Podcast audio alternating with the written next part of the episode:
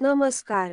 जय श्रीराम. आज सकाळीच आनंद मामा आला. त्याने विचारले अग रामकुटी तुला माहीत आहे का? वाल्मिकी ऋषी हे जळगाव जिल्ह्यातील होते. हो का? खरंच का? आणि पुढील गोष्ट आणि माहिती मला सांगितली की जी विकिपीडियावरून पण सांगितलेली गोष्ट पुढे सांगत आहे. वाल्मिकी रामायणाचे रचनाकार म्हणून प्रख्यात असलेले ऋषी होते. ते आदिकवी म्हणून प्रसिद्ध आहेत. रामायण एक महाकाव्य आहे. से श्रीराम यांच्या जीवनातून आपणास जीवनातील सत्य कर्तव्य साहस यांचा परिचय देते. आणि आदर्श जीवन जगण्यास मार्गदर्शन करते. त्यांनी संस्कृत भाषेत रामायणाची रचना केली. त्यांनी लिहिलेले रामायण हे संस्कृत भाषेतील सर्वप्रथम महाकाव्य मानले जाते. म्हणून वाल्मिकी यांना आद्यकवी असे सुद्धा संबोधले जाते. वाल्मिकी ऋषी मूलतः वाल्मिकींनी लिहिलेल्या रामायणात चोवीस हजार श्लोक आणि उत्तरखंड साहित एकूण सात खंड आहेत. रामायणात भगवान श्रीरामांची गाथा सांगण्यात आली आहे. अश्विन पौर्णिमेला ऋषी वाल्मिकी यांचा जन्म झाला. जळगाव जिल्ह्यातील चाळीसगाव तालुक्यात असलेले वालझरी हे गाव महर्षी वाल्मिकी ऋषींचे जन्मस्थान मानले जाते. महाराष्ट्र शासनाच्या महाराष्ट्र राज्य गॅझेटियर जळगाव जिल्हा यात याचा उल्लेख आहे.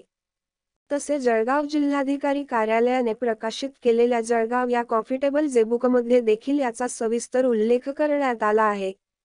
पृष्ठ क्रमांक चौसष्ट वर उल्लेख केल्यानुसार रामायण या महाकाव्याचा रचयिता असलेल्या महाकवी वाल्मिकी ऋषींचे जन्मस्थान मानले जाणारे वालझरी हे गाव चाळीसगावच्या दक्षिणेस पाच की मी अंतरावर चाळीसगाव पाटस रस्त्यावर आहे. या क्षेत्राच्या पूर्वेस गायमुखी नदी वाहते आणि क्षेत्राच्या पायथ्याशी डोह आहे. तीर्थस्नानाच्या पूर्वभागी पाण्यापर्यंत जाता येईल अशी सोय केली आहे. या डोहाचे पाणी पवित्र मानले जाते. वाल्मिकीचे देऊळ म्हणून दाखविले जाणारे ठिकाण हे शंकराचे मंदिर आहे. यात जुनी शिवपिंड आहे. या पिंडीवरील देऊळ अतिशय पुरातन आहे.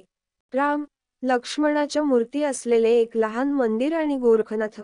वाल्मिकी यांच्या मूर्ती असलेली छोटी स्वतंत्र देवळे याच भागात आहेत. येथे पूर्व आणि पश्चिमेकडे एक मोठा वड आहे जो महाकवी वाल्मिकींच्या काळातील असल्याची श्रद्धा आहे.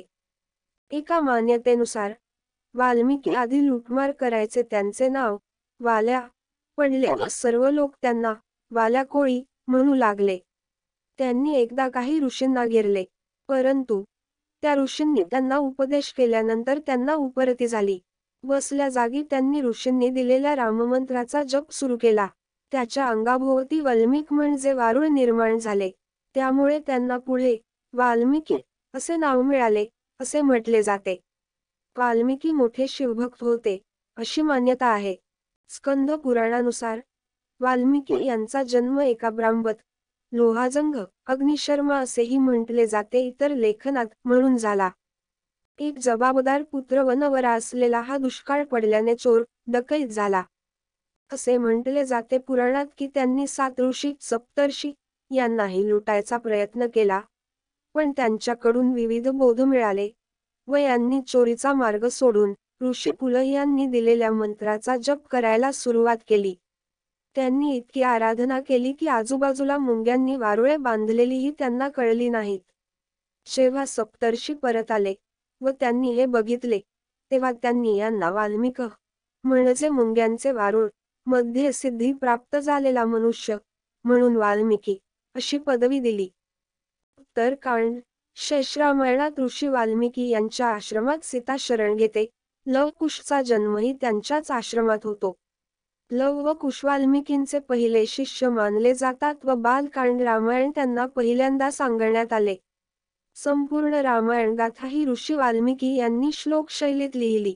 ते आपले पहिले कवी म्हणून त्यांना आदिकवी असेही नमूद केले जाते. असे म्हटले जाते की त्यांनी संत कवी तुलसीदास यांच्या रूपात पुनर्जन्म घेऊन रामचरितमानस हे अवधी संस्कृत मध्ये लिहिले. अजून एक लोककथा प्रचलित आहे. ते अशी एकदा वनातून भ्रमण करीत असताना वाल्या कोळीने त्यांना पकडले आणि मारण्याची धमकी दिली. तेव्हा नारद मुनी म्हणाले बाबा तू हे कोणासाठी करतो आहेस? तेव्हा वाल्या कोळी.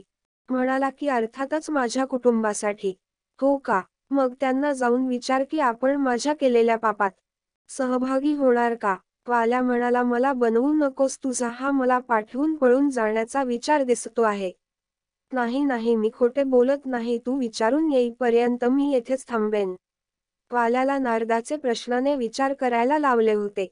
तो घरी गेला आणि दार ठोठावले. वाल्याच्या बायकोने दार उघडले. तेव्हा वाल्या तिला म्हणाला एक बस इथे. मला तुला आणि मुलांना एक विचारायचे आहे. नारद मुनींच्या सांगण्याप्रमाणे प्रत्येकाला विचारले पण प्रत्येकाने नाही असे सांगितले. वाल्याखाली मान घालून निशस्त्र होऊन नारदाला भेटावयास परत आला. नारदांनी काय ओळखायचे ते ओळखले आणि म्हणाले वाल्या मी तुला एक मंत्र देतो त्याचा जप कर.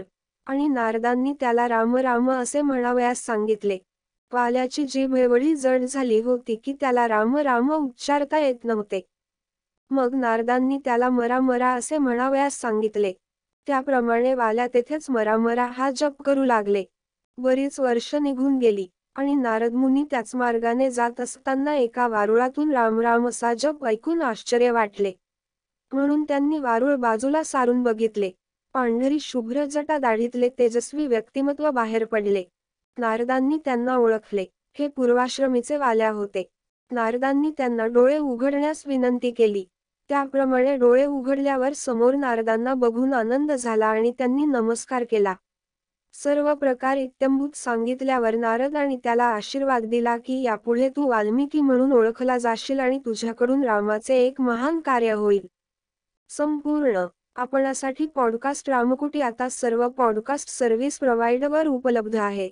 जसे Spotify Jio Saavn Gaana Amazon music Apple podcast TuneIn आणि बरेच काही. यूट्यूबवर रामकुटी चॅनलला कॉमेंट्स सबस्क्रीब करा.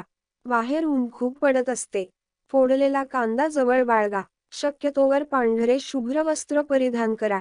गच्चीवर वरंड्यात खिडकीत पाणी वाटीत पक्षांना साठी अवश्य ठेवा. आपली रामकुटी. जय श्रीराम.